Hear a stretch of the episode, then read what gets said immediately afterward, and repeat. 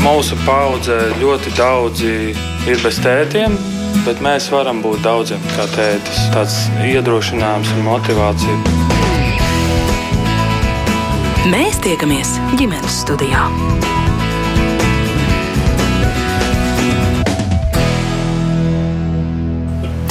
Labdien! Priecājos sveicināt jūs visus raidījumu ģimenes studijas eh, klausītājiem. Mans vārds ir Agnes Linka, un šī raidījuma producente ir Sarmīta Kolāte.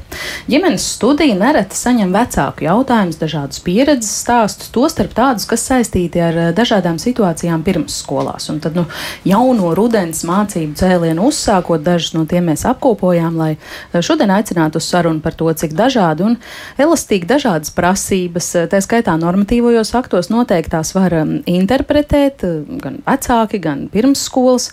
Nu, piemēram, jūsu bērns vienmēr paliek pēdējais, vai varat viņu no dārziņa izņemt ātrāk? Šādi mudinājumi ir gan izplatīti, taču cik tas ir pamatot un cik rūpīgi pirmsskolas ievēro arī tās eh, prasības, kas attiecas uz veselīgu uzturu, dažādām higiēnas normām un citām ikdienas eh, bērnu dārza niansēm. Par to šodien sarunā ģimenes studijā, un tajā piedalās Rīgas domes izglītības, kultūras un sporta departamenta pirmsskolu nodaļas galvenā speciāliste Dzintra Timša. Labdien! Labdien! Ģimenes studijā sveicinu arī Latvijas privāto pirmsskolu biedrības valdes priekšsēdētāju Dainu Kāņu. Sveicināti! Labdien! Un arī Tiesības sarga biroja bērnu tiesību nodaļas vadītāja Lēla Grāvera šodien ar mums kopā ģimenes studijā. Sveicināti! Labdien! Arī jūs klausītāji, kā vienmēr, varat pievienoties sarunai, ja jums ir kādi mm, pieredzes stāsti, komentāri komentāri, varbūt kādi jautājumi ekspertiem, tad droši sūtiet tos mums ģimenes studijai, rakstiet ziņas no Latvijas radio mājaslapas, tās tvērsim un nolasīsim. Um, gribu jā, visām kopā un katrai atsevišķi varbūt pajautāt, kā ir iesācies tas jaunais mācību gads pirmsskolās, kādas ir tās svaigākās um, aktualitātes, būtiskākais jūsu ikdienas um, darbā, kas, uh, kas saistās tieši ar bērnu dārziem. Zintra? Jā, nu, tas aktuālā, aktuālākais šobrīd ir pārējai uz mācībām latviešu valodā, kas, protams, nav viegls, un, un, un šī situācija jau bija zināma jau ātrāk, bet nu, katrā ziņā tas, ka nu, tagad esam šeit nonākuši šajā situācijā ar 1. septembri, tad, tad ir, jā, nu, ir Esam šur tur pabijuši, esam skatījušies, kā notāk. Protams, skolotāji cenšas. Protams, ir bērnu viena daļa neizpratnē, kāpēc ir šādā valodā tagad jāmācās. Un, un, un ir grūtības, jā, jo, nu, lai nu kā tur būtu vai nebūtu, ir, ir arī tas mazulis, kurš pusotra gadīgais tagad ir nonācis grupā, nu, viņam ir jāpalīdz arī dzimtajā valodā, ne tikai visas latviešu valodā. Tā kā, šis, šis ir tas lielākais izaicinājums. Nu, protams, jā, arī, arī uh, vecāku jautājumi par to, kā tad ar šiem mācību līdzekļiem, un, un, un kurš tad finansē un cik finansē. Protams, arī tas, uh, jā, kā jau te ir zināms, arī ir ēdināšanas uh, lietas, ko vecāks varbūt nesaprot. Bet, nu, risinām, darām, un, un, un es ceru, ka gan jau viss arī tālāk būs labāk. Mm. Kā mums ir ar bērnu dārzu rindām, ar rindām uz bērnu dārzu, bērnu dārzu vietām galvaspilsētā? E, nu, šoruden? šobrīd ir tā, ka šobrīd rindā ir 927 bērni, kuri gribētu tātad apmeklēt no 1. septembra, bet uh, mums ir uh, viena daļa grupas, ir, kuras neatvērās, jo nav pedagogi. Un, protams, ir arī iestādes, kurās uh, rinda beidzās, kā mēs sakām, un uz šo gadu vairāk nav gribētāji. Mhm. Tās nu, ir līdz... tās, kas agrāk ir bijušas mazākumtautību valodās. E, nu, ne tikai, jo rindā nav bērnu. Vienkārši ir šī apgājums, kurās ir vairāk lielie bērnu dārzi, nu, tātad tie, kur ir 11, 12 grupas. Nu, kaut vai kurzemes rajonā tur ir šādi. Tur ir, ir, protams, brīvas vietas. Jā. Arī tādos bērnu dārzos, kas vienmēr ir bijuši latviešu bērnu dārzi. Jā? Arī, arī. Aha. Jā. Laba, tāda laba ziņa. Kāda problemātika, Laila, nonāk jūsu redzeslokā ikdienā, varbūt ar pirmsskolām saistīta? Nu, pie mums jaunais mācību gads ir iesācies diezgan tā aktīvi un spraigi.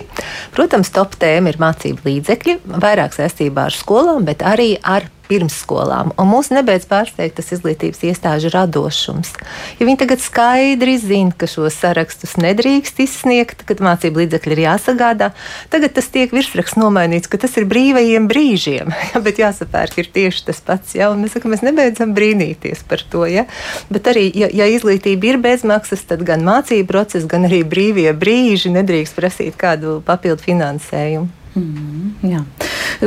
Kā ar privātajām pirmsskolām, vai arī tur ir kādas lietas, kas vecākus satrauc līdzīgas, pavisam atšķirīgas, kas varbūt jāskaidro atkal un atkal daina? Uh, nu, es domāju, ka šis ir pirmais gads, kurā vecākiem jau paliek brīva izvēle uz privātu izglītības iestādi, līdz ar to, ka privātajos brīvas vietas ir. Un es domāju, ka tas ir tas laiks, ko mēs esam sagaidījuši, ka vecāki tiešām var izvēlēties. Vecāki mēdz arī mainīt šīs pirmsskolas iestādes, nu, kamēr viņi atrod sev īsto. Jā, tagad notiek aktīvs vecāku sapulču laiks, bet nu, bērndārs mēs, mēs strādājam visu vasaru. Līdz ar to tas jaunā mācību gada sākums ir tāds aktīvāks cēliens, bet principā darbs jau nav apstājies arī vasaras periodā.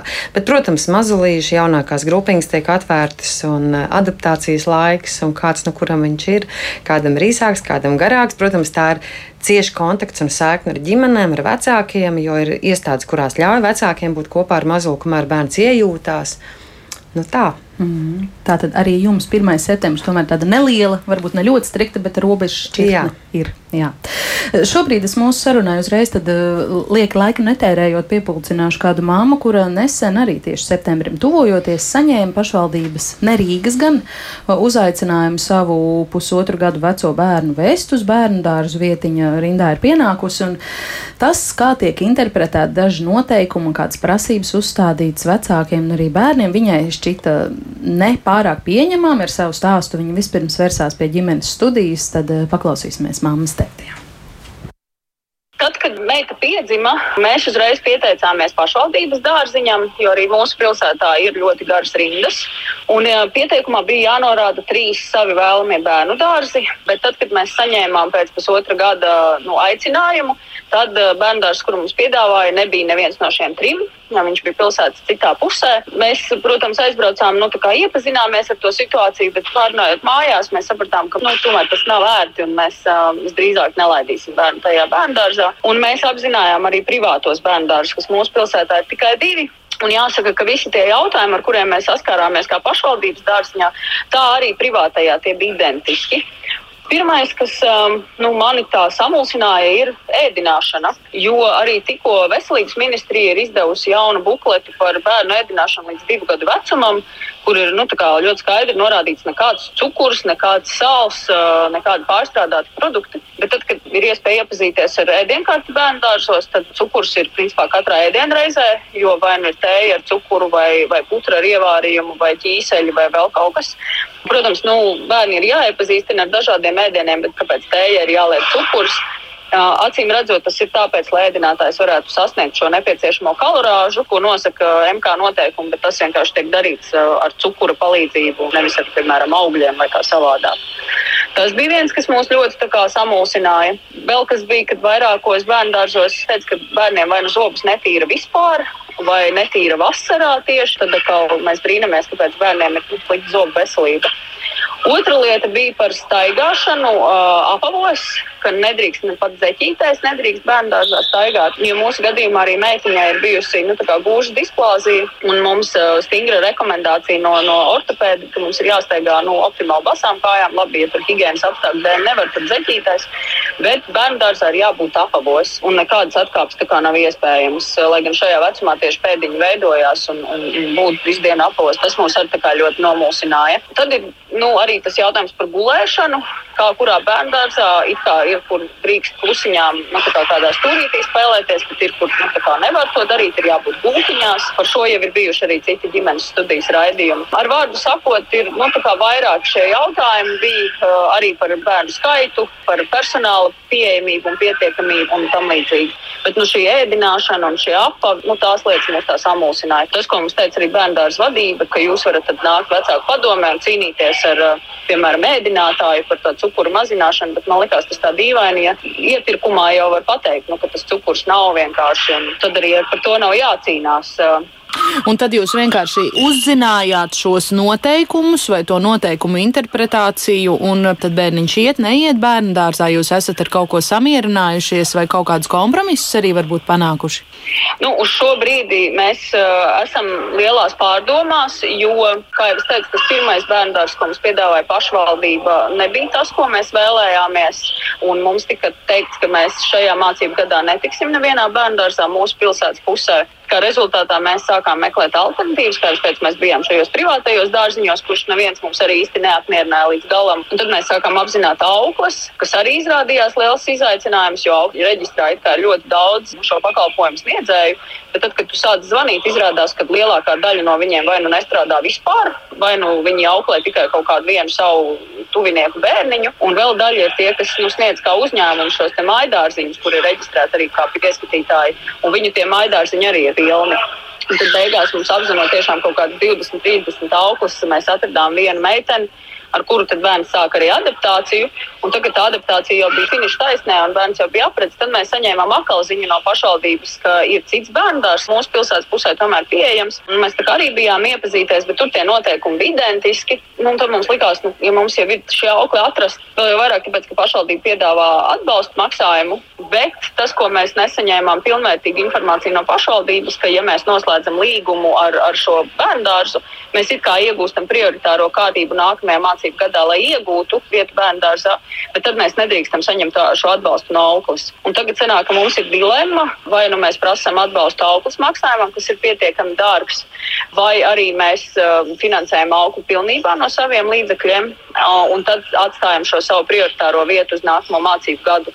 Jo, ja mēs atsakāmies, tad mēs sākam atkal no nulles punkta ar augstu risku, atkal, ka mēs netiekam bērnu dārzā nākamajā mācību gadā. Un vēl viena lieta, kas man ļoti nomulsināja, ka ja mēs kā vecāki izlemjam nu, šajā brīdī bērnu nelaist bērnu dārzā, vai arī vēlamies šo augstu pakalpojumu, tad mums ir pienākums vērsties pie ģimenes ārsta un prasīt eh, no viņa izziņu par to, ka bērnam ir kaut kādi iemesli, veselības iemesli, kāpēc viņš nevar iet bērnu dārzā, vai kāpēc viņam ir jāsaņem šis augsts pakalpojums nu, kas man liekas ir tā dīvaini, jo mēs visi saprotam, ka uh, pusotru gadu vecumā bērnu dārzs bērnam ne tuvu nav obligāts, un viņam nav jābūt ar kādām veselības problēmām, lai viņš nu, neietu bērnu dārzā šādā vecumā.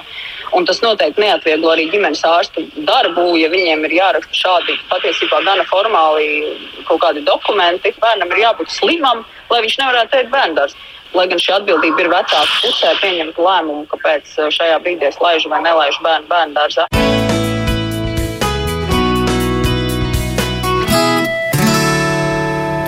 Tāds lūk, mammas eh, stāsts. Nu, tad varbūt par visu pēc uh, kārtas. Dzintra purina galva nevar jā, saprast, nu, daudz, raidoši vai. Nē, no kura gala sākt. Jā, jā varbūt no... ar ēdināšanu tad sāksim. Vai tas ir mm. izaicinājums eh, pirms skolās izpildīt veselības ministrijas noteiktās normas? E, nu, ir un nav. Ir, ir, nu, Rīgas pilsētā arī ir šīs ēdināšanas pakalpojums, tiek pirkts no nu, tātad firmas apkalpo. Jā. Protams, iestādes darbiniekam nozīmētājiem, vai nu tas ir saimniecības vadītāja, medmāsa vai, vai vadītāja pati, iet, protams, skatīties, kāda kvalitāte termiņi, kas tur tiek sagatavots. Nē, nē, tā jau stāsts par to, ka tur tajā ēdienkartē atklāti ir uzrakstīts, ka tas būs ar cukuru, tas nu, būs jā, nē, tāds saldums, nu. šitāds saldums, un tā jau daudz vieta ir. Par tām slavenajām maizītēm un šokolādes krēmu jau desmit gadus, man liekas, ka klīst vismaz kur cik ilgi strādā ģimenes jā, jā, studijā. Bet, nu, protams, skatās līdz tam visam, kas tur notiek. Tā virtuvē ir jā, dažādi. Protams, kā ēdinātājs, eh, lai gūtu savu peļņu, tad mēģina arī izgrozīties tā, lai nu, šīs te kalorijas. Ir šie normatīvi kaut kādi tiešām jā. veselības ministrijas noteikti noteikumi, to var vai nevar ievērot, un to var vai nevar izkontrolēt. Tieši tā ir uh, 172. ministru kabineta noteikumi, un, un, un vadoties no tiem, tad arī ir jāsastāda ēdienkartes. Jā, mums arī, protams, ir šis te eh, cilvēks departamentā, kurš arī mm, brauc un skatās šīs te, kā ir sastādītas ēdienkartes, kas ir, ir, ir paredzēts, šīs kalorijas un viss. Nu, ir jāvēro, ko, protams, ēdinātājs jāizdomā, ka varētu kaut ko savādāk, bet eh, nu, tas ir jāsaskaņo ar, ar, ar iestādi. Nu, mm. Bet, ja iestāde to saskaņo un vecāki atnāk un skatās, o, te ir šitā, man liekas, ka tas galīgi neatbilst tam, ko veselības ministrija tur uh, iesaka un prasa, tad, tad kā vecākiem rīkoties? Nu, uh, protams, tad vadītāji ir, jāsaka tā, pie šī procesa ir vainīga. Nu, katrā ziņā ir jāzina, ko drīkst, ko nedrīkst, un, un, un ja vadītāji netiek rēdinātāji galā, tad ir šis te mūsu speciālists, kurš tad iet un tālāk ar, ar, ar rēdinātāju runā un risina. Un šādā situācijā attiecīgās pašvaldības tad izglītības pārvaldē būtu jāvēršas. Mhm, -huh, tieši tā. Daina varbūt. Kā, ko nu? Vispār, man liekas, mēs esam pavēruši tādu milzīgu problēmu daudzumu. Viņi nu, ir daudz ar darba laiks, un tagad rēdināšana, ja mēs runājam par rēdināšanu, tiešām ar ministra kabineta noteikumiem ir noteikts normas. Es laikam nepiekritīšu par tām kalorijām, ka viņas vajag pavērot, jo sālim un cukuram ir konkrēti grami noteikti. Mm. Un tas ir pilnīgi elementāri. Pavāram ierodoties darbā, paredzot šo prognozēto bērnu skaitu, tik daudz arī cukuru tajā dienā drīkst lietot. Tālāk ir, protams, atkarīgs no ēdienkartes. Vai ir, piemēram, nezinu, saldās bulciņas, kurās vēl tas cukurs būtu papildus, teiksim, slēptais cukurs, nu, tam būtu jāskatās ko līdzi tiešām no ēdienkartes sastādītāja puses. Bet nu, es domāju, ka visiem, gan ēdinātājiem, vienalga tas ir pašu organizēts vai ārpakalpojums, ir pirmkārt jāsaprot šī vispār uzdevums ēdināt bērnus dārziņā. Mm. Un es domāju, ka dot tēju ar ļoti saldu tēju, es domāju, ka neviens jau nav ieguvējis, jo tā enerģijas deva sākumā, kas bērniem būs pēc šiem saldiem dzērieniem, es domāju, ka tur, es nezinu, cik skolotājs vai grupiņā, un es domāju, jādomā ir kopveselumā loģiski par to, ka bērnam ir jā jāēd veselīgi, tam ir noteiktas normas, kuras mums jāvēro. Bet pirmais ir šī komunikācija starp izglītības iestādi un vecāku. Un vienalga, nu, nu, komunikācija ir... bija teicis, nāciet padomē, cīnīsieties pret mūsu ēdinātāju. Jā, un šis vārds arī, protams, ir tāds ārkārtīgi, nu, kāpēc ir jācīnās, kāpēc nav jāsadarbojas, jo pašos nu, tāpēc, sākumā, citādāk, acīm ne? redzot, nevar. Linda mums arī, piemēram, raksta makaroni un baltmaize bērnu dārzu ēdinātājiem rulē, kaloriju ir daudz, bet jēgas nekādas. Nu, tas ir veids, kā, kā strādāt, kā pelnīt. Laila? es gribēju par to cukuru. Es pilnīgi piekrītu. Ja, piekrītu, ka tas ir tik regulēts, ka nu, šī joma tiešām ir noregulēta līdz gramiem un mililitriem. Piemēram, par cukuru 2,5 grami uz 100 mililitriem, ja dzērieniem. Bet eh, kāpēc nevarētu saku, ēdinātājs jau būt tikai ieguvējis, ja viņš to cukuru ietaupītu? Ja, no tāda viedokļa. Un, ja vecāki vēlas, tad arī ģimenēs ļoti dažādi ir, kas dzer saldu teju un ir, kas dzer bez cukura. Ja? Un, un tas ir tāds sadarbības jautājums. Ja vecāki vēlas, nu kāpēc nevarētu būt vienā krūzē teja ar cukuru? Cukuru un vienā bez cukuru. Un tad, attiecīgi, pēc vecāku tās nu, norādījumiem, vien, nu, bērniem dot tēju ar cukuru un bez cukuru, tā kā viņi mājās ir pieraduši un kā vecāki uzskata par labu un pareizi. Mm -hmm. Bet, nu, ja nu tas netiek ievērots. Risināt ar vadītāju, pirmām kārtām ar vadītāju, jo tur tiešām ir noregulēts 2,5 gramu uz 100 ml. Ja tāda ir tā proporcija, cik cukuru drīkst lietot, tas nav, jā, nav aizliegts. Nav teikts, ka pirmsskolā ir jādzer tēja tikai bez cukura. Mm. Nē, Ja. Uh, nu, par uh, to, vai bērnu dārsts ir tiesīgs neļaut staigāt zeķītēs. Nu, tad droši vien jāskatās arī tāda kopējā, tāda varbūt tieši tā, tā higiēnas lieta, vai bērni iet uz ēdam zāli, vai viņi iet gaitenī, iespējams, ka tur kāds gājas ar ielas apaviem. Bet pašā grupā, kurā bērns uztrauc, domāju, tur nav nekādu iebildumu vai problēmu, ja bērns atrastos zeķītēs. Un, un tiešām te varbūt arī līdzīgi kā prēdienkārt runājam, jo to es no savas prakses varu pateikt. Ja pirms gadiem 12, kad mēs piedāvājam tēju bez cukuru, tad man liekas, atbalstītāji bija mazāk kā Nu, tā kā mazāk nekā tie, kas gribēja tērt cukuru. Es domāju, tie laiks iet uz priekšu, man daudz izglītotāk top sabiedrība par veselīgu uzturu, par garšām, par ēdienu, kā par procesu, nevis tikai lai tās kalorijas tur saskaitītu. Un es domāju, ka šī proporcija ir mainījusies. Es domāju, līdzīgi arī ar šo, ja, kad mums ir, nu, ir taču dzirdētie stāsti, ja, ka tu nevar iet ar krokšiem uz bērndāžu, jo var nokrist. Nu, tādas leģendas arī klīst. Es domāju, bērndāžu vispār ir daudz tādu stereotipu un savu kaut kādu pieredzi, ne tie labākie, pozitīvākie stāsti. Bet es domāju, atkal tā ir savstarpēji savstarpējā komunikācija vēl jo vairāk. Jā, es, protams, arī dzirdēju šajā sižetā to, ka tiek no ārstam, nu, atbildība kaut kā mistiski tiek novēlta uz ārstiem. Atnesiet zīmi, ja, bet mums ir jāatcerās, cik ārsti ir Latvijā, cik viņi ir noslogoti un cik mēs nedrīkstam viņus nokrot ar birokrātiju. Jo es domāju, ka ar daudzām problēmām arī ir pārpestā birokrātija. Nu jā, tāpat laikā Bez tās ir izrādās sarežģīti noregulēt pavisam vienkāršas lietas. Par birokrātiju runājot, tas mammas pieminētais aspekts, ka, ja viņa šobrīd izvēlās pusotru gadu, bērnam, pusotru gadu vecam bērnam auglas pakalpojumu, tad viņai sanāk zaudēt vietu pirms skolas rindā, vismaz to, to vietu, cik augstu viņi ir uzkāpuši. Viņi sāk nulles punktā. Rīgā arī kaut kāda tāda nē, sistēma darbojās. Nē, nē, tā. tā ir konkrētās pašvaldības specifika. Jā, jo, jo ja bērns ir uzaicināts uzaicināts uz iestādi, jā, tad, protams, šis te auklas pakalpojums vairs tajā brīdī nepienākās, bet. Bet, ja izvēlas auklu vēl uz vienu gadījumu, nu, pēc tam vēlētos tad, iet bērnā. Tajā iestādē, protams, ka viņam vairs vieta nesaglabājas, jā, jo viņš jau ir uzaicināts. Mm. Bet katrā ziņā privāto iestādi, jebkurā gadījumā bērns var apmeklēt arī nesot rindā un, un, un atsakoties no vietas bērnu dārzā. Bet tas ir Rīgā. Tas Jā, tas ir, tas ir Rīgā. Un te ir atkal, ir atkal atgriežos pie tā šī sadrumstlotība, ka nu, pierīgas pašvaldībās ir cita kārtība, mm. kur pat ir tagad šoruden tādi gadījumi, kad kāds pašvaldības darbinieks nu, dezinformē vecāku, viņš tur neiestājas rindā, jo Rīgā nav jābūt. Un, un, un, jā, un tad, tad rodās pārpratumi un es viņam finansējums, kamēr to atrisina daudz mm. iesaistītās puses. Mm -hmm. Un par šo bērnu tiesību kontekstā ir kaut kas tāds. Uzņemšanas kārtība pirmsskolā tiešām nosaka katra pašvaldība. pašvaldība. Tā ir pašvaldības mm -hmm. funkcija. Skolā nē, skolā ir ministra kabineta noteikumi, bet eh, par pirmsskolu tikai atskaitīšanu nosaka ministra kabinets, bet uzņemšana katra pašvaldība mm -hmm. pati. Mm -hmm. Un kā var vērtēt šo prasību, ka, ja es vēlos eh, tagad savam pusotragadīgajam bērnam vai divgadīgajam bērnam vēl gadu eh, viņu atstāt mājās ar auklīti, ka jāprasa šī ģimenes ārsta zīme un jāpiedomā diagnoze. Nē, nu, nē nu, tas gan tā dīvaini.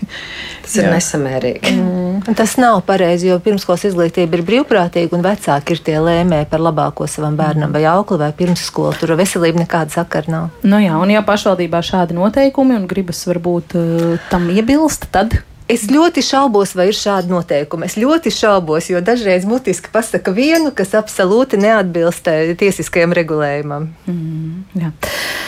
Šobrīd mūsu sarunai pievienojas arī Veselības inspekcijas sabiedrības veselības kontrolas nodaļas vadītāja Ilona Drīšļuka. Ilona, labdien! Labdien. Dzirdat mūs brīnišķīgi. Kāds jūsu komentārs par mammas stāstīto? Mm, kas ir tas, ko no tāda jā, ikdienas veselības inspekcijas darba prakses jūs šeit varētu akcentēt vai komentēt? Nu, noklausoties šo mammas, mammas stāstu, jā, tad es varu uh, atbilstoši mūsu inspekcijas kompetencei, kur mums ministru kabineta noteikuma numur 890 nosaka šīs higiēnas prasības. Un praktiski nu, galvenais jautājums, ko es sadzirdēju, bija šī zobu tīrīšana. Uh, ko mēs arī plānu kontrolēs, mēs arī baudām izglītības iestādēs, vai katram bērnam ir nodrošināta zobu birstīte un zobu glāze, lai bērni varētu apgūt, apgūt šo zobu higiēnas mācību. Pamatā šī, šī lieta būtu vajadzīgs apgūt mājās, jo uh, zobu pastu bērngārzā izmantot, nu, ja viņi paši ir vienojušies ar iestādi un vecāki, ka viņi šo zobu pastu lietos. Galvenais ir šī te, uh, mācība, lai pareizi iemācītos tīrīt zobiņus, uh, to paredzot arī dienas režīmā. Jā. Tas par to zobu tīrīšanu. Uh, nu, par tām gulēšanām, kā jau māma teica, tas jau ir ļoti daudz, kur runāts un izrunāts. Uh, tas, tas būtu jāvienojas ar iestādi un uh, jāvienojas par šo kārtību, kā notiek organizēšana šai gulēšanas lietai. Mm -hmm. Un par staigāšanu zandalītēs vai zeķītēs? Ko ārsts ieteica? Tā, tā ir iestādes iekšējā kārtība. Inspekcijai nav nekāda iebilduma, jo tāps tiek tīrīts divreiz dienā. Pēc būtības viņas visas ir tīras. Uh, faktiski šī ir tā darba organizācija, ja kā pedagogs skatās uz to, vai viņš to ļauj vai neļauj. Uh, mums, in, no inspekcijas puses nav nekāda iebilduma, ja bērns staigā šajā zeķītēs pa grupiņu. Es uh, vēl papildināšu, ka Un pēcāk šī māma mums arī atrakstīja, ka viņa ir atcerējusies vēl vienu aspektu, kas licis viņai lemt. Tomēr pagaidām par labu auklas, nevis pirmsskolas pakalpojumu, un proti tas ir bērnu dārzā paredzētais nomoda laiks, tā garums no rīta līdz diendusai, un eh, es citēšu, viņa rakstīja, pašreiz mūsu bērnam tās ir 5 stundas, bet ejot uz bērnu dārzu, tās būtu vismaz 6 vai 7, jo no rīta nepieciešama papildus stunda, lai pamostos, saģērtos, kaut ko pāēstu, aizbraukt, aiziet līdz dārziņam, kādu laiku mēģinājām pagarināt pirmo nomodu, bet bija acīm redzams, ka bērnam tas ir grūti, viņš ir pārstimulējies un pārguris. Tas arī viens no argumentiem, kāpēc nevest bērnu uz bērnu dārzu šobrīd. Vai nomoda garumu arī regulē kādi, kādi noteikumi, kādi normatīvie akti? Nu, diemžēl neregulē šo laiku. Ir paredzēts šīs te, mm, puz, atpūta pēc pusdienām. Uh, bet katra iestāde nosaka, teiksim, nu, parasti skatās, ja ir mazie bērniņi, tad ir pusdienas ir ātrāk. Vai nu tas ir pusdivpadsmitos vai divpadsmitos, jā, un līdz ar to viņi ātrāk iet gulēt. Uh, un starp pēdienreizēm ir jābūt šīm četrām, četru stundu intervālam. Līdz ar to tas ir atkarīgs no katras, uh, katra vecāka, cik agri viņiem jāceļās, cik laika ir jāpatērē ceļā. Jā, nu, ļoti grūti ir pat noteikt, cik ir šis nomodu laiks. Katram bērnam tas ir pilnīgi individuāls. Mhm, jā, Dāna, par šo ir varbūt kāds uh, komentārs, domājot par nu, mazajiem no, bērniņiem. Es domāju, ka tur atkal tas ir nu, labi, privātajā pie līguma slēgšanas. Arī liekas, pašvaldībā tāda kārtība ir izrunāt šo laiku. Vecāki gan laicīgi tiek iepazīstināti gan ar to dienas ritmu un ar to kārtību. Un, un tam arī paredzēts ir adaptācijas laiks. Un, jā, mm. dienas atpūta ir, bet pārējie laiki tādi pēc ritma. Mm. Ilona, es jums vēl gribu pajautāt par tām uh, zīmēm, kas jāiesniedz no ģimenes ārsta ar kādām mm, varbūt. Uh, piedomātām diagnozēm, ja es vēlos savu bērnu paturēt mājās vēl uh, gadu kopā ar auklīti. To aspektu jūs arī varbūt varat nokomentēt. Mm, nu, To es īsti nevarēšu. Tas ir pašvaldības lēmums, kā, vai, vai varbūt uh, bērngārza interpretācija par, par šo jautājumu, jo nu, inspekcija neregulē, vai tam bērnam ir jāapmeklē iestāde, vai viņš varētu dzīvoties mājā. Tas ir katra paša vecāka ziņā.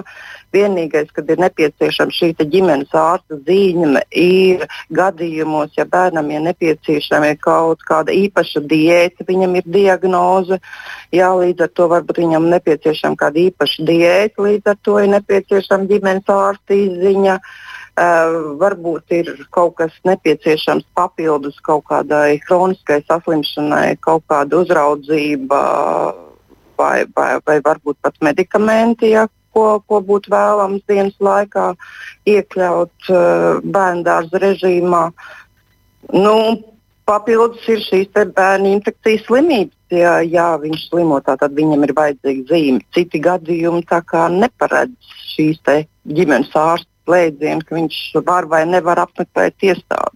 Nu jā, tad jāpieņem, jāpieņem, ka tā tiešām ir konkrētas pašvaldības tāda uh, interpretācija. Nolasīšu dažas klausītāju replikas. Uh, modrīta mums raksta, klausos jūsu raidījumu un vienkārši trūkst vārdu, vai tiešām jūs sakāt, ka tēja ar cukuru pusotra gada vecumā ir normāli. Es tiešām nesaprotu, uh, vai tad uh, jums ir zināms, kāda ir cukura iedarbība uz organismu visos vecumos. Bet visā visumā paldies par uh, raidījumu. Mums raksta modrīta un evī, piemēram, lūdzu mūs tuvāk pie zemes, ka tēja ar vai bez cukura vai zeķiem jā vai nē, vai gulēt jā vai nē, eh, vai jūs kāda esat iegājis pirmsskolas ikdienā.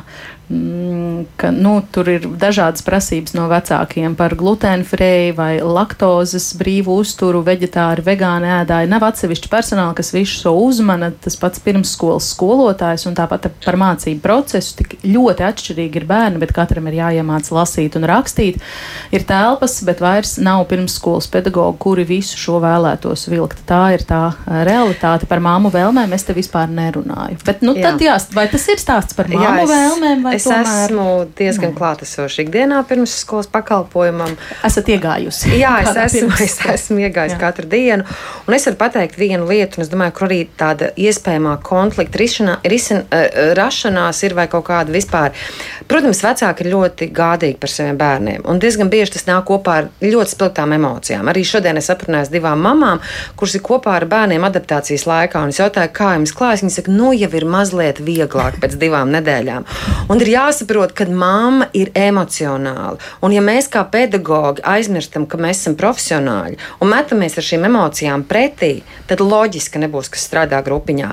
Mums ir jāatcerās par savu profesionalitāti un par to, ka mums arī vecākam ir jāpalīdz. Ap, jāpalīdz palaist šo bērnu dārziņā, ir jāiedod šis pirmais starta moments viņam pozitīvs, atbalstošs, viņš ir sadzirdēts un viss būs kārtībā ar vecāku. Jo vecāku trauksmes un šie nesamērīgie prasīgumi parasti ir veidojās, nu, es varētu teikt, tādā pretestības rezultātā, ja, kad, ah, jūs man nes to, es tagad vēl paprasīšu šo, jo tās ir manas tiesības.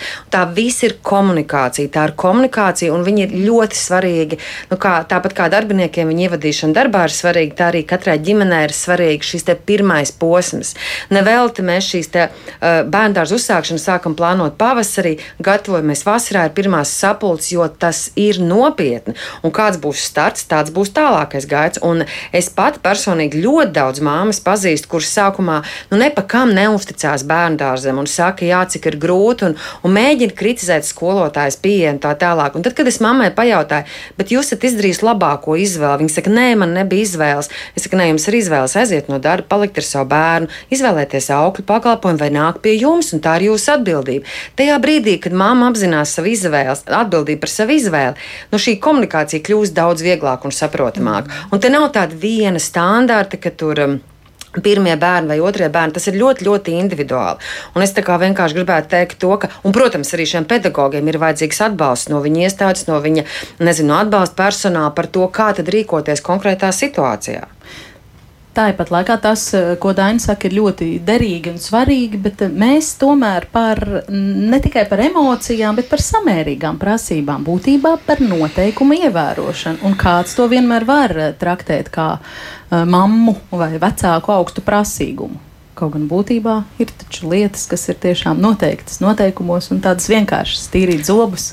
nu, tas pats, kas par to pašu darba laiku, ja, ka es arī daudz ar kolēģiem pirms nācu šo raidījumu pārunāju šo tēmu. Es domāju, ka tur arī ļoti daudz tādu iemeslu, kādēļ tas ir, kad jūs bērns ir pēdējais sēšais. Es pašai man arī ir trīs bērni, un es zinu, ka es jūtos, ka es aizgāju uz grupiņu bez desmit, septiņos. Man pirmā reakcija, vai mans ir palicis pēdējais, ja zinot, ka es pat šai nozarē strādāju. Un, ja man skolotāja atbildēs, jā, un no sešiem ir pēdējais. Mums ab, visiem būs vakars sabojāts, bet ja man skolotāja atbildēs laipni, man vēl darba laiks ir un viss ir kārtībā. Es domāju, šī laipna attieksme tā ir atslēga tajā komunikācijas sākumā. Nu, jā.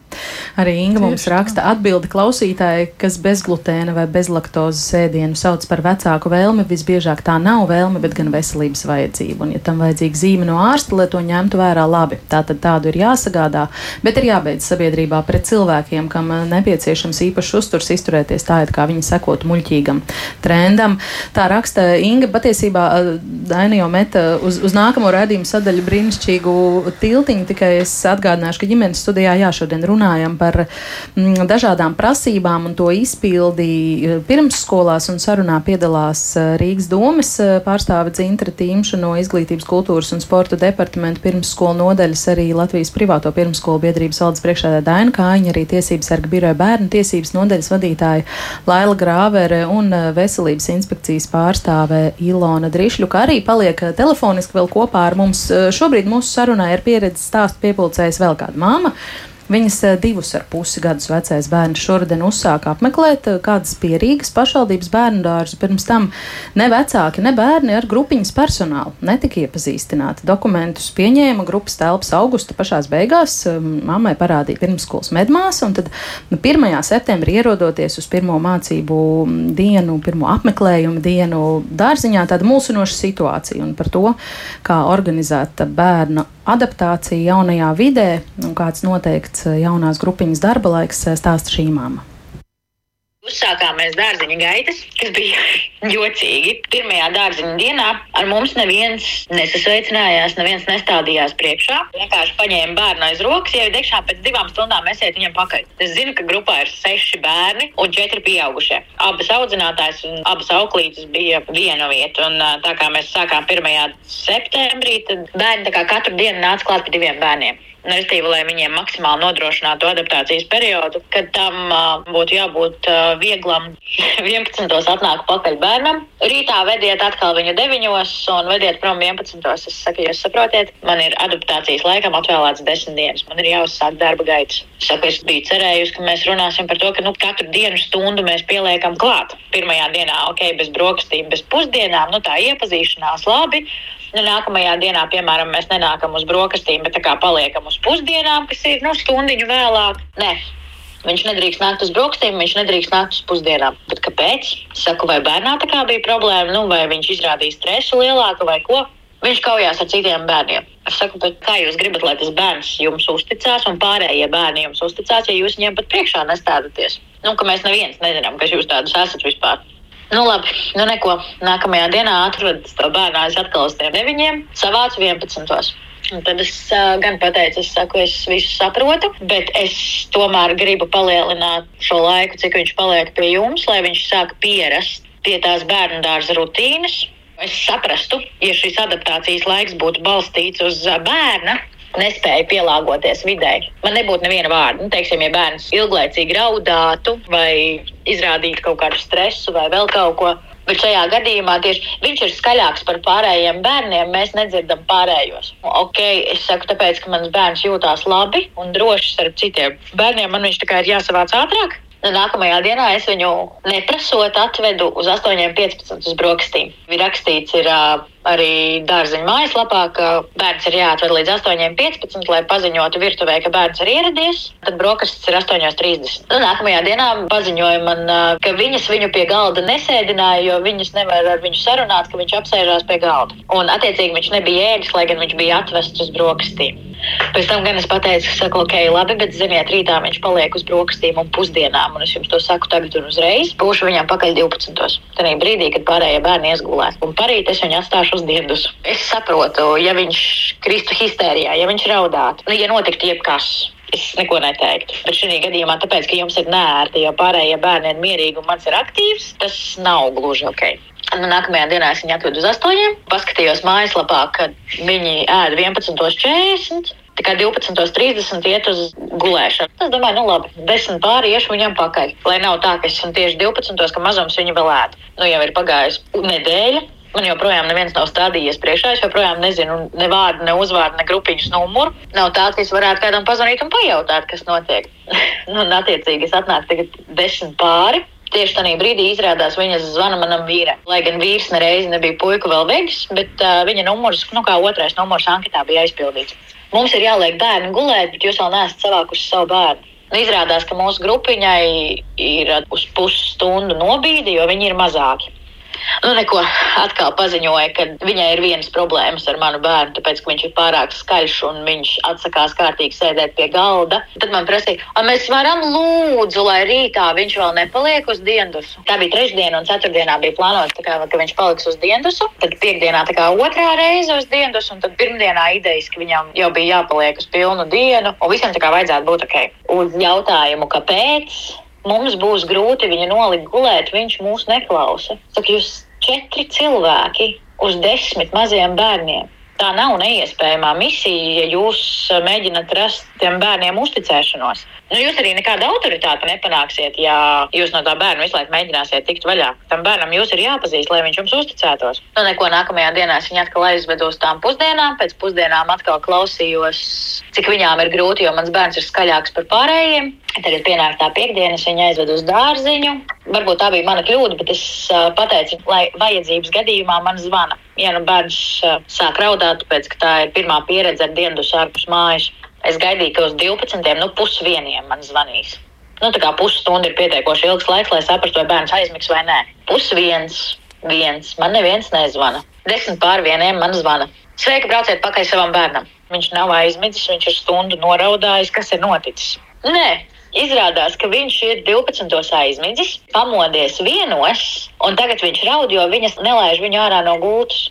Brauciet viņam pakaļ, viņš atsakās iet gulēt otram lāgam. Jums ir pusstundas laikā viņam jābūt pakaļ, jo viņš ir pamodinājis jau divus citus bērnus, tāpēc ka viņš grib iet ārā no guļamistabas un viņš neguļ. Es atbraucu. Sēž mans bērns, sēž vēl divi puisīši. Viņi visi trīs sēž grupiņā uz zemes blakus audzinātājai, klusiņām smaidīgi liek puzles. Viņi ir apmierināti, neviens no viņiem neraud. Saku, sakiet, kāpēc man ir jāizņem bērns? Viņš neiet gulēt. Mēs izsaucām arī pārējiem puikām mammas, lai viņas brauc viņam pakaļ, jo viņi arī neguļ. Saku, kā jūs to iedomājaties? Jūs man tagad katru reizi zvanīsiet, ka apmierināts bērns nevis uh, guļ trīs stundas, bet pēc stundas izgulējies, vēlās spēlēties, nevis pavadīt gultā. Jā, mēs jums zvanīsim katru reizi. Darbā esmu stundas braucienu attālumā no bērnu dārza, kas viennozīmīgi nebraukšu viņam pakaļ, tāpēc, ka viņam viss ir labi, bet jūs negribat vienkārši pildīt savus darba pienākumus. Saku, kur ir problēma? Re, kur viņiem ir spilvenu stūrītis ar grāmatām, re, kur viņiem ir pužļu stūrītis, viss. Nedodiet viņiem tās aktīvās rotaļas, lai viņi klusītēm sēž stūrītī un spēlējās. Nē, mēs nedrīkstam viņus laist ārā no guļamistabas, kas ir pilnīgs absurds. Un arī bērnu līgumā un noteikumos na, ir tāpat kā ministru kabineta noteikumos, ir tas punkts, ka bērniem ir jānodrošina atpūta. Nevis diendusa, bet atpūta. Pēc tam pirmdien bija bērnu dārza sapulce, 11 dienas pēc bērnu dārza gaita uzsākšanas. Tad es beidzot uzzināju, kā kundzes sauc, jo arī sapulces laikā viņas nestādījās priekšā, un līdz tam mēs neviens nezinājām, kur ir auklīte, kur ir audzinātāji. Pēc mana speciāla lūguma viņas stādījās priekšā, kā viņas sauc. Un tad es pacēlu jautājumu, vai jūs arī turpmāk taisaties izsaukt vecākus katru reizi, kad bērni nerīkosies pēc jūsu vēlmēm. Uz ko viņa atbildēja, jā, ka viņai nav laika cīnīties ar uh, nepaklausīgiem bērniem, ka tas ir vecāku pienākums. Mums esot jāiemāca, ka viņiem ir dienas laikā trīs stundas jāguļ. Tas ir jāzina jau mājās. Mēs esam vainīgi pie tā, ka māmas guļ parasti mazajiem blakus, kamēr viņi iemieg. Un tāpēc, ka mēs to esam iemācījuši, tāpēc audzinātājām esot problēmas, jo arī viņām tas ir atpūtas laiks, tas ir viņu brīvais laiks, un viņām nav jānoņemās ar bērniem savā brīvajā laikā. Nu, un tad es uzsāku WhatsApp grupu ar pārējiem vecākiem, dabūju beidzot viņa numurus, un izrādījās, ka jau nedēļas garumā principā katram otrajam bija zvanīts, lai vienos savāds bērnu. Jo no 12 bērniem, kas bija atstāti uz diendusu, nu jau tā kā no paša sākuma, puse no viņiem negulēja. Visu bērnu vecākiem tika ziņots, lai viņi savāc savus bērnus, neatkarīgi no tā, vai raud vai neraud, pēc ka viņi neguļ trīs stundas. Un tad tie vecāki bija vērsušies pie direktoras. Tie vecāki, kuri ir sūdzējušies direktorai, tie vecāki var vest savus bērnus uz diendusu, bet tie, kuri nav vērsušies pie direktoras, tie tiek turpināti saukt ārā katru reizi, kad viņu bērns nepilda kaut kādus pienākumus.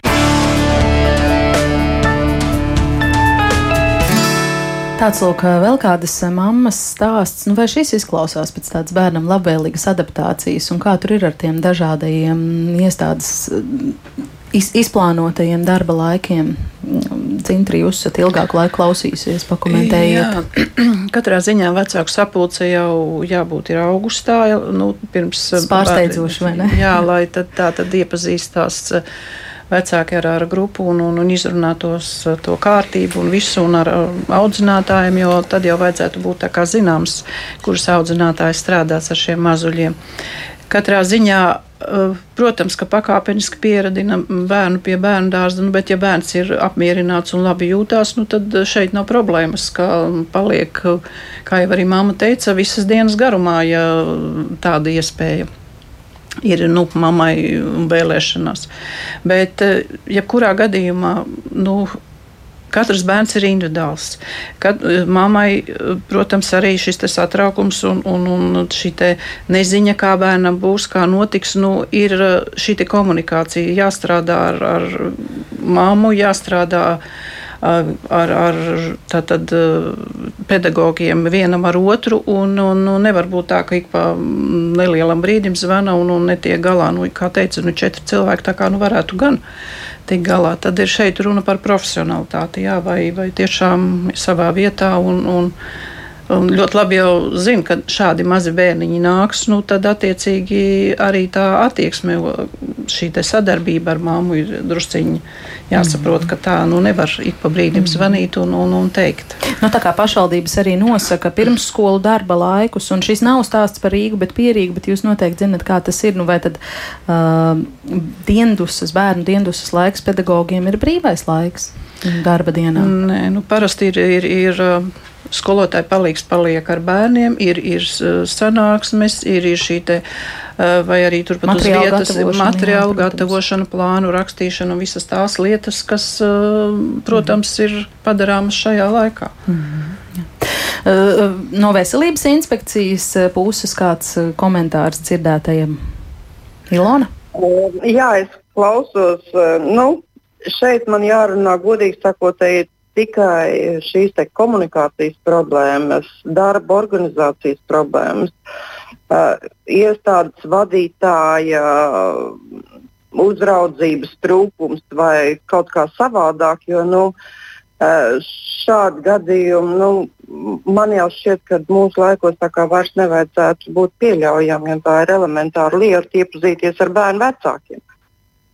Un, un, un šo adaptācijas procesu nosaka katrs, katra iestāde, bet uh, saprātīgi. Ja, ja ša, bērnam nav vajadzība uh, pa pusdienai staigāt uz, uz, uz uh, bērnu dārzu, ja viņš jūtas labi un komfortabli un viņš ir apmierināts ar šo te, uh, procesu, kas notiek dārziņā. Uh, Viņu, viņu var mierīgi atstāt jau kaut vai trešajā dienā uz visu dienu, ja, ja mamma tas apmierina. Nu, tagad nedēļas beigās mamma to tikai bija plānojusi, bet, nu, labi, saprātīgi arī ir tāds plaši stiepjams nu, jēdziens, no, droši vien katram savu izpratni. Jā. Laila no bērnu tiesību vai, vai vispār pienākumu vecāku, pedagoģu pienākumu viedokļi bija kaut nu, kas, ko pasvītrot? Nu, tiešām tādai tā situācijai nav jābūt, un to mēs nevaram saukt par sadarbību, ja, jo šeit ir jābūt sadarbībai starp bērniem un vecākiem, jo bērnu audzināšanas pienākums ir kā pedagogiem, tā vecākiem, un ir jābūt sadarbībai, un no māmas jau arī neizskanēja, ka viņi būtu teikusi, ka mēs mājās runājam, kāda bērndārzā būs kārtība, un ka ir jāklausa, un ka nu, nevar, es saprotu, bērns tur ir ļoti dominējis un bijis skaļš. Ja. Tas tev arī jāpārunā, kā būs, ne? Nevis viņš tāds ir skaļš, ja un tieciet galā. Nu, tad mazliet arī tas vecāku pienākums gādāt par savu bērnu audzināšanu. Un pedagoga kā profesionālā kompetence jāsaprot, bērni būs dažādi, un būs skaļi un aktīvi, un būs klusi un bailīgi. Un kā vienu pieklusināt, otru iedrošināt un panākt kādas kopīgas rotaļas un kopīgas nodarbības. Bet tas ir tāds sadarbības process. Noteikti sadarbības process, kas bija dzirdams, ka šeit trūkst šajā situācijā, ka viens otru atbalsta nevis ar sūdzībām, bet ar, ar sadarbību, ja kā mēs varētu labāk, ko jūs varētu mājās, ko mēs varētu bērnu dārzā, un lai tā situācija būtu tāda laba un visiem, visiem, visiem pieņemama un visi justos komfortā. Daina. Nu, es te varu apbrīnot mammas pacietību no dienas no dienas, tā kā būtu uzstājīgai, nu, runāt ar skolotāju, bet eh, nu, tas, protams, ir jautājums, vai pedagogi ir īstajā vietā, vai viņi vispār grib darīt to, ko viņi dara, jo tā ieinteresētība bija nu, tāda, vispār viņi nevarēja sadzirdēt. Un par iepazīšanos, nu, tā ir elementāra, tā ir elementāra lieta. Man liekas, vispār uzsākot pirms bērnu dārza uz, gaitu uzsākšanas, lai vispār mājās par kaut ko varētu runāt teiksim, 1. septembrī satiekoties uz divām stundām, jo te ir jautājums, kas tad kuram ir domāts. Tas bērndārs ir domāts bērniem vai bērnu domāt bērndārzam. Bet, nu, mm, jā, tas labi, kad ir šāda diskusija, bet ir tās situācijas, kurām brīžiem liekas, ka ir grūti noticēt, ka tādas tiešām mūsdienās vēl pastāv. Mm -hmm. Es vēl gribu īsi pajautāt par tādu aspektu, kas arī šeit varbūt eh, tā netieši iezīmējās, nu, ka tas adaptācijas process tomēr, eh, lai cik labi izplānots mazs bērnu skaits un, un pietiekams pieaugušo skaits, divas audzinātājs, divas auklītes, visu pirmo nedēļu bērniņu pakāpeniski pienāk pa kādam klāt katru dienu, bet, eh, nu, vecāku iesaisti nav paredzēta. Um, un adaptācijā. Nu, mēs zinām, ka dažādas pirmsskolas izvēlas uh, dažādi uh, rīkoties, un dažādi arī mudina rīkoties vecāks. Un ir vēl tādi bērndārzi, es tiešām vēl šobrīd par to klausos, ka, uh, kas pēc Covid ierobežojumiem tā arī nav atslēguši savas durvis vecākiem, neļaujot ienākt nedz no rīta bērnus atvedot, nedz vakarā pavadot. Tas joprojām viss notiek mums pie bērnu dārza vārtiņiem, un tad arī vispār nu, nav pat runa par to, ka varētu būt tās adaptācijas dienas, kad vecāki nāk bērnu dārzā iekšā kopā ar bērnu un pavada tur kādu laiku. Kā tas ir vērtējams, Dzintra? Nu, nē, gan mazulītam, jo tomēr ir jānonāk mammai, jāpavada līdz, līdz grupai. Un, un, un, protams, mums arī ir, ja ir nepieciešams un ir, ir nu, dikti liela raudāšana un satraukums un viss, nu, katrā ziņā tad mammai ir jāpabūt klāt tur jāskatās. Saprotiet, tas ir arī individuāls. Nu, Iestādes lēmums. Nē, nu, tas nē, ir nē, nē, es domāju, ka mēs darām tā vai šitā. Nu, jā, nu, nevar jāsaka, tā spīdzināt bērnu, lai viņš tur raud. Un, un, un, uh, ja tā mamma var tajā brīdī būt klāt, un, un, un tas iet vieglāk šis adaptācijas process. Mm -hmm. Ir jā, bērns, kā jau te teica, aiziet un viss, un viņš jūtas kā zivs ūdenī. Bet nu, viss ir atkarīgs, un tas ir runājums ar. ar, ar vadību un, un, un skatām Nē, kā vadība vienkārši saka, Nu, mums nu, jā, ir tā, nu. mēs turpinam ievērot epidemioloģisko drošību, tā visiem labāk. Nu, jautājums, kas šeit ir svarīgāk?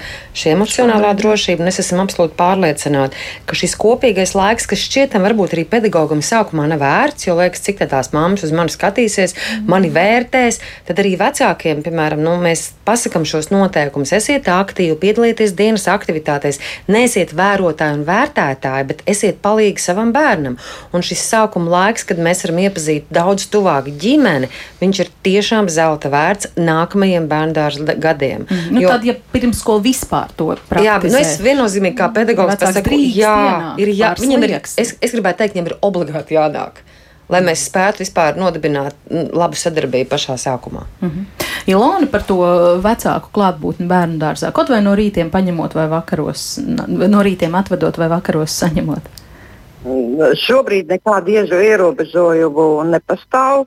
Līdz ar to tā, tā ir bērnu iekšējā kārtība, kā viņi šobrīd ir noregulējuši. Ja grib, tad var slēgt durvis vai vārtiņus, tā, tā jūs sakāt. Jo ierobežojumu no, no veselības drošības viedokļa nav nekādu. Uh, jā, līdz ar to iestāde pati organizē šo iestādes darbu. Uh, no psiholoģiskā viedokļa, protams, ka jebkuram bērnam ir svarīgi, lai tomēr tas vecāks aizvestu viņu līdz dārziņam, līdz grupiņai un tāpat arī saņemt atpakaļ. Ko darīt šādā situācijā, kur interesēties, ja mans bērnu dārzs tomēr man ļauj tikai nākt līdz vārtiņiem? Es domāju, ka jau pie līguma slēgšanas paš... dibinātāji.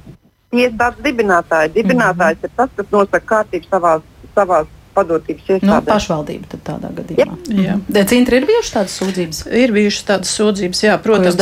Un, un, nu, tad attiecīgi runājam ar iestādi un, un jautājam, kā labi tā ir izvēlējušies. Jo, nē, nu ir dažādi iemesli, jā, ka tur ir, ir šobrīd ir uh, infekcijas, tur klapi iesnas, kas tur viss, un tad vecāki arī būs vēl mūžam. Tas būs mūžam. Nē, nu, mūžam. Iesnas bērnu. jā, jā, nu, to, to tādā veidā gan nerisināt. Un, protams, ir, ir arī vecāki, kuri, protams, es at, man vienkāršāk es atdodu pie durvīm bērnu, un, un tad tur noģērb sakārto viss. Ir arī šādas situācijas. Nu, tas ir iestādes, kuras. Jā. jā, jā, un, bet nu, katrā ziņā viena daļa iestādes ir jā, kuras uh, uzskata, ka tomēr ir uh, jābūt ir bērnam, pa, lai pavada, paskatās, kas ir skapītī. Bet es gribu teikt, ka šajā ziņā gan vecākiem ir jābūt aktīviem, jo mums pieredze rāda, ka ir mīkstināts šīs prasības. Ka iestādes ir pār, man tā bija tieši Rīga, ka bija ka tikai līdz durvīm, bet tomēr sarunu ceļā, un nu, mēs arī mēs jau varam tikai aicināt, ja pārskatīt šīs prasības. Jā, un ir, tas jā, tiesības sarga birojs. Un, un ir mīkstināt, jo pirmais ir bērni intereses. Pirmā mm. vietā ir bērni intereses, un ja bērnam vajag līdz skapītim pavadīt, ja, un, un tad atsveicināties, ja kā saka, līdz grupiņas durvīm, ja, un ir bērndārs arī padomās, varbūt paskatījušies savādāk un mainījuši šos noteikumus.